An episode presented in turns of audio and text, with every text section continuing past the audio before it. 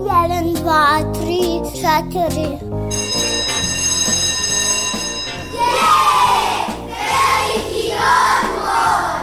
Emisija o obrazovanju i vaspitanju. E, Kad neka vaspitačica kaže da je veliki odmor, onda nešto radite. Jedeš, treniraš, skačeš, julješ se, eto, i tako. Vi slušate veliki odmor. Veliki odmor.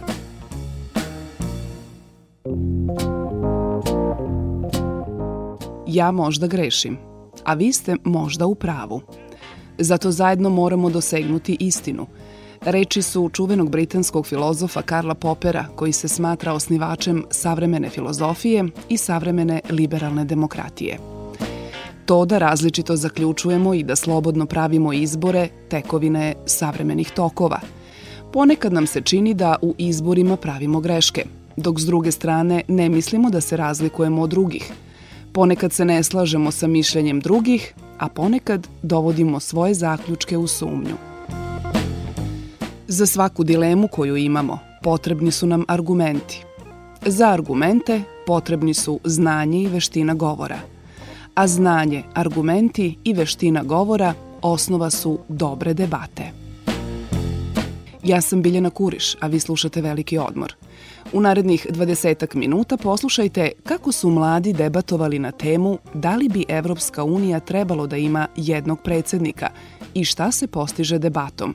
Malo kasnije sledi još jedna priča o roditeljstvu novog doba. Evropsku školu debate ove godine pohađalo je 30 srednjoškolaca i studenta u Novom Sadu. Među njima bili su i takmičari koji su debatovali na temu da li bi Evropska unija trebalo da ima jednog predsednika. Đorđe, Miloš i Velimir činili su afirmacijski tim, dok su Dunja, Angelina i Martin svojim argumentima bili u negacijskoj ekipi. Teza prve ekipe jeste da je Evropskoj uniji potreban jedan predsednik koji bi svojim autoritetom predstavljao zajedništvo svih evropskih naroda i osjećaj pripadnosti. Negacija toj romantičarskoj tezi, kako su je definisali članovi drugog tima, bili su čvrsti argumenti koji objašnjavaju pojavu radikalizacije i ekstremizma kao reakcije na izbor jednog čoveka koji bi bio na čelu Evropske unije. Afirmacija – Ako uopšte krenemo teze da treba da imamo jednog predsednika, njegova ovlašćenja ne bi sad bila neka apsolutna ili nešto, ali onda bismo došli do diktature ili do nekih težih oblika vladavine, gde bi bio ugrožen sam suverenitet svake države, ali bismo mi napravili takav sistem da u, u sam, kad izaberemo jednog predsednika, da on ima u sprezi sa komisijom i savetom, znači da odgovara direktno svojim postupcima narodu i komisiji i savetu Evropske unije, Time bismo ograničili njegovu moć i doveli bismo do toga da sam narod Evropske unije bude politički malo pismeniji. Negacija. Koliko bi imali zajedničkog predsednika, vrlo bi verovatno bilo da bi se desilo da neke države, to jest neki predstavnici, imaju mnogo jači uticaj u komisiji koja treba da bude neutralan, objektivan organ. Da bi oni mogli da protore način politike koje su e, striktno interesne za jednu državu ili za neke veće države i da ih nametnu jel, te manjim državama koje i sada u ovom sistemu koji trenutno postoji nemaju dovoljno moći da se odbrane, to jest nemaju dovoljan broj glasova. Afirmacija Kada bi došli u situaciju da na direktnim izborima biramo predsednika, svakako da je to jedan demokratski način i da se ispoljava volja građana za tim parlament, e, odnosno različite poslaničke grupe koje imaju sobstvene ideologije, predlažu svog predstavnika. Znači, on je nekako predstavnik ideologije, on je predstavnik nekog nacionalnog identiteta. I tu se briše onaj argument opozicije, gde zapravo oni govore da će uvek iz te neke većinske zemlje biti izabran predsednik. Građani glasuju za lik, ličnost, odnosno ideologiju kojom ta ličnost se bavi, odnosno koje ovaj predlaže prilikom toga i za to se glasa.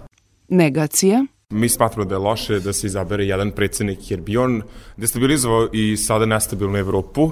E, možemo videti gomilu nekih nacionalno e, motivisanih pokreta po celoj Evropi i popularista koji su izabrani bili na vladu, na primjer u Italiji imamo Salvinija u Orbana, imamo u Mađarskoj i u Brexit imamo u Britaniji, na primjer, i Faraža u Britaniji, koji zastupaju neke radikalnije desničarske poglede, koji mislimo da će možda biti još intenzivniji ako bi došlo do nekog jednog predsednika koji bi imao tu neku poziciju, verovatno bi bio liberalnije nastrojen zbog većinskog prihvatanja liberalizma u Evropi.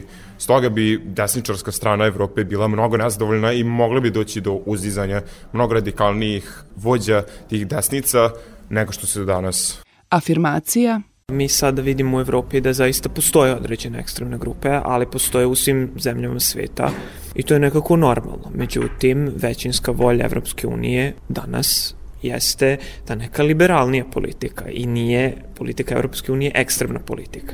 Baš kao što ni u Mađarskoj. I taj Viktor Orban i ostali političari i Italija i ne znam, druge zemlje, oni imaju samo određeni procenat e, podrške. Ako gledamo na evropskom nivou, što treba u ovom slučaju da gledamo, znači izabrani predsednik definitivno ne bi dobio glasove. Negacija. Sam način izbora tog predsednika, dakle koji bi bio neposredan izbor, tu dolazi do direktnog kontakta samo kandidata sa biračima gde on zapravo, ako dođe na vlast, on ima samo cilj da se održi na vlast. Znači to je njegov primarni cilj i njegov cilj je da spravimo dobru marketinšku kampanju, da radi na kvantitetu, a ne kvalitetu, odnosno da prikupi što više ljudi, tako da u tom smislu bi došlo do određenih marketinških trikova, do određene manipulacije i tako dalje i dovodilo bi se u pitanje koliko bi bilo ta racionalna odluka ljudi koji su generalno glasali na tim izborima. Tim koji je osporavao tezu da Evropska unija ima jednog predsednika je sa više argumenta pobedio u takmičenju veštine debatovanja. To su Angelina Gavrilović, studentkinja Ekonomskog fakulteta u Novom Sadu, Dunja Grubor, studentkinja Pravnog fakulteta i Martin Macak, učenik četvrtog razreda e-gimnazije u Novom Sadu. Oni će se naći u izboru za učestvovanje na završnoj debati u Narodnoj skupštini Srbije u maju u sklopu obeležavanja Dana Evrope a pre nego što su se našli na takmičenju u veštini debatovanja, naši studenti i srednjoškolci su pohađali školu debatovanja i kako kažu, mnogo im je pomogla da nauče kako da izraze mišljenje, pobede strah od javnog nastupa. Evo šta o školi debate misle Miloš Ilić, student Medicinskog fakulteta u Novom Sadu, Angelina Gavrilović i Dunja Grubor. Mi smo ovde svi došli kao jel, mladi talentovani govornici, ali ipak e, nam je trebalo da razlikujemo znači, šta je to debata, da se bavimo samim tim činjenicama i da naučimo kako na pravi način da izlažemo te činjenice. A opet da zanemarimo onu retoriku što dolazi više u formi nekog govora i javnog nastupa. Ovo mi je zapravo jako pomoglo da naučim na koji način da se izrazim i da prevaziđem neki moj lični strah od javnog nastupa, jer sam shvatila da je ovo najbolji način. I mnogo mi je pomoglo u tome da sistematizujem svoje misli i da ih izrazim na način na koji bih žala. Ja sam počela da obraćam pažnju na to kada nešto kažem, da postavim pitanje zašto, zašto, zašto, non stop zašto i mislim da generalno to nije kod nas, mislim ne samo kod nas, nego uopšte da to nije slučaj da ljudi ne razmišljaju mnogo o tome zašto je nešto tako, nego da je sve to onako na nekom površnijem nivou i da na tome baš treba da se radi. Evo, mislim, ja sam zadovoljna što sad počinjem na tome da radim, zahvaljujući ovom kursu. Debata kao nastavni metod u nastavi je redko zastupljena u našim školama. Malo je nastavnika koji se opredeljuju za interaktivni vid nastave, a stručnjaci ističu da bi za razvoj analitičkog i kritičkog mišljenja kod učenika od izuzetnog značaja bila debata ili rasprava zasnovana na čvrstim argumentima oko određene teme. Na taj način bi se povezalo i proširilo znanje iz ostalih oblasti. Zatim bi se razvijale brojne veštine, komunikacijske, socijalne, Mladi bi kod sebe razvili samopoštovanje. Velimir Milošević, student Fakulteta za evropske pravno-političke studije, ističe da bi manje trebalo usvajati činjenice, a više razvijati kritičko mišljenje. U osnovnoj školi i u srednjoj školi niko nas ne uči kako da razmišljamo i to je jedan od glavnih problema našeg obrazovnog sistema. Ja primetim od kad sam dete manje više da nešto nešto ima i sad polako shvatam zašto. Nas obrazovni sistem tera da učimo činjenice, bez pitanja zašto. Zašto treba da znamo te činjenice, zašto su one bitne, kako će nam pomoći u životu, jel? I ako želimo da postanemo jedno, jedno razvijeno demokratsko društvo, mislim da je to prvi front koji treba da napadnemo. Obrazovanje. Evropska škola debate je projekat koji organizuju Informacioni centar Evropske unije, EU Infokutak Novi Sad i debatna akademska mreža Otvorena komunikacija uz podršku delegacije Evropske unije u Srbiji – Za pet godina koliko škola postoji, pohađalo ju je više od 300 mladih iz više od 30 gradova širom Srbije, a organizovano je više od 20 javnih debata. Slušate Veliki odmor.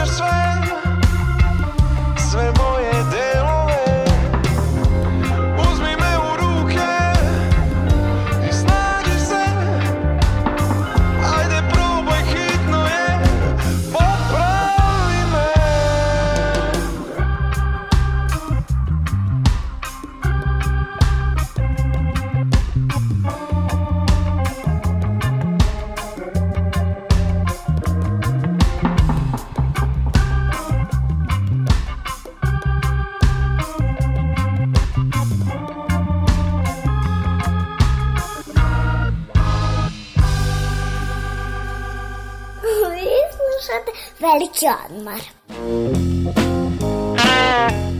Još jedna priča o roditeljstvu novog doba. Kako biti dobar roditelj u digitalnoj eri? Kako naučiti decu samostalnosti? Kako vaspitavati decu da budu disciplinovana, ne ugrožavajući njihovu ličnost i slobodu? Da li bi roditelji trebalo samo da kritikuju? Odgovore smo dobili od Biljane Grbović iz Udruženja roditelja Matica. Sa njom je razgovarala koleginica Mirjana Petrušić. U 21. veku definitivno su batine izašle iz mode i više nisu mera niti sistem vaspitavanja, ali da li možda s druge strane neki roditelji prezaštićuju decu? Apsolutno, sigurno. Danas je to možda najčešći oblik vaspitanja, najčešća greška i ona upravo nosi i najozbiljnije posledice. Prezaštićena deca više stradaju od nedisciplinovane dece, više stradaju čak i od zapuštene dece. Zato što je zapuštena deca u nekom momentu kad dobiju to što im je falilo, imaju veću šansu da se pokrenu. Problem sa prezaštićenom decom jeste što postaju bezvoljna postaju nefunkcionalna i ona negde uče da odustaju i da ne vole život. Oni nisu zainteresovani, ne samo da nisu zainteresovani da uče ili rade. Njih počinje sve život da mrazi, njih mrazi da se druže, njih mrazi da idu iz kuće da izlaze, njih mrazi da jedu, njih mrazi da se češljaju. I sve su to uzroci prezaštićavanja. Uzrok je u prezaštićavanju. Jeste. Zato da. što oni se praktično ne razrade. Strašno. Jeste. To jeste najtužnija slika. A nastaje kao posledica ne ljubavi roditeljske, nego baš suprotno. Ljubavi i posvećenosti, ali koja nema svest o tome da život nije bajka i da detinstvo ne treba da bude period u kom deca neće skinuti osmeh s lice, gde se dešavaju samo jako lepe i prijatne stvari, gde dete sve dobija servirano. Da, naprotiv, detinstvo je vrlo traumatičan period Jeste. života. To je, detinstvo je period u kom deca treba da razviju sebe. Ako ne upotrebljavaju sebe, ne mogu ništa uraditi. Znači oni propuštaju period za učenje. I sad na koji način da roditelj pronađe pravu meru? Da ne predzaštićuje, a s druge strane da bude autoritet svom detetu ili treba da, da bude da. prijatelj? A, što se tiče da ne prezaštićuje, tu nema potrebe za merom. To je dovoljno samo imati svest o tome da sve što dete može samo, od onog trenutka od kad može to samo da izvrši i to onako vrlo netačno, vrlo aljkavo, vrlo polovično, da sve to što dete iole može samo da ga pusti. Ideja je da roditelj treba da nauči da se povlači. Da, da, da, i da pusti dete da se ono razvija svojom dinamikom. Tako je. U stvari kad se zađe u suštinu problema jeste, kao što sam rekla, ideja o tome da, da deca treba da budu stajlno happy, a drugi uzrok jeste o tome što roditelji nemaju lične granice i što misle da ako će biti dobar roditelj, to znači treba sve, svega da se odreknem i da trpim, pa mogu da kažem čak i nasilje od strane deteta, znači da nemam pravo ni za odmor, ni za da jedem na miru, ni da imam bilo kakvu svoju potrebu, a dete je već otprilike sedmi razred. Još uvek sedim i učim sa njim još uvek, ne znam, pravim sendvič i podsjećam ga da ponese užinu i očešlja svoju kosu. Dakle, uloga roditelja bi bila da postavi prave granice. Tako je da postavi granice jasno, nedvosmisleno, nije toliko problem, nije dobro da ode u ekstremnu ni strogost, ni ekstremnu elastičnost. Uvek je najbolja neka mera, ali hoću da kažem da nije toliko važno tačno gde je ograda, da li je malo ulevo ili malo udesno. Bitno je da tamo gde je ograda, da se to, da to poštuje, da je to jasno i deci, a da roditelj obezbedi sistem koji će to deca poštovati. I još jedno samo da? pitanje, na koji način da se roditelji, da kažem u ovom novom tehnološkom razdoblju kada su uglavnom deca pred ekranima, kompjuterom ili telefonima, kako da im se ograniči vreme pred ekranima na pravi način? Pa, mislim, vrlo jednostavno. Znači, roditelj je taj koji je odrastao, koji o tome više zna i on donosi odluku o tome koliko je ok dnevno radnim danom provesti vremena na telefonu na računaru ili vikend i možda u nekim porodicama je vikendom drugačije. Kao što sam malo pre rekla, ponavljam, dakle nije toliko važno da li je to pola sata ili sat i po. Važno je da ono što se odredi kao pravilo da se onda to poštuje da se bude dosledan. A to se vrlo lako radi, uzme se daljinski, isključi se televizor. Tako je. A da li postoji neko istraživanje koliko je, da kažem, po znacima navoda zdravo da deca provode pred ekranom i da se ne ide preko te granice? Ja ne znam tačno sad vremenski, ali definitivno ono što je već, kako kažem, svima nama jasno, to je da to nikako ne sme biti puno, pogotovo ne u onom ranom uzresu. Znači, do treće godine na 15 minuta je dovoljno, pola sata je mnogo. Do sedme se može malo produžiti odraslom dobu, deca imaju šta pametno da rade na računarima i onda je okej, okay. mislim odraslom, mislim kao dve, veće dece, jel? Srednjoškolci naravno da imaju veliku slobodu, pošto oni znaju da koriste računare i na druge načine. Roditelj ostavlja detetu tu slobodu onda kada je naučio dete kako da svoju slobodu koristi, a ne da zloupotrebljava. A to je u stvari uloga roditelja. Tako je. Hvala vam puno Molim. na razgovoru. Emisiju realizovali Ton Majstor, Iboja Šanca i autor Biljana Kuriš, koje vam žele prijatan vikend.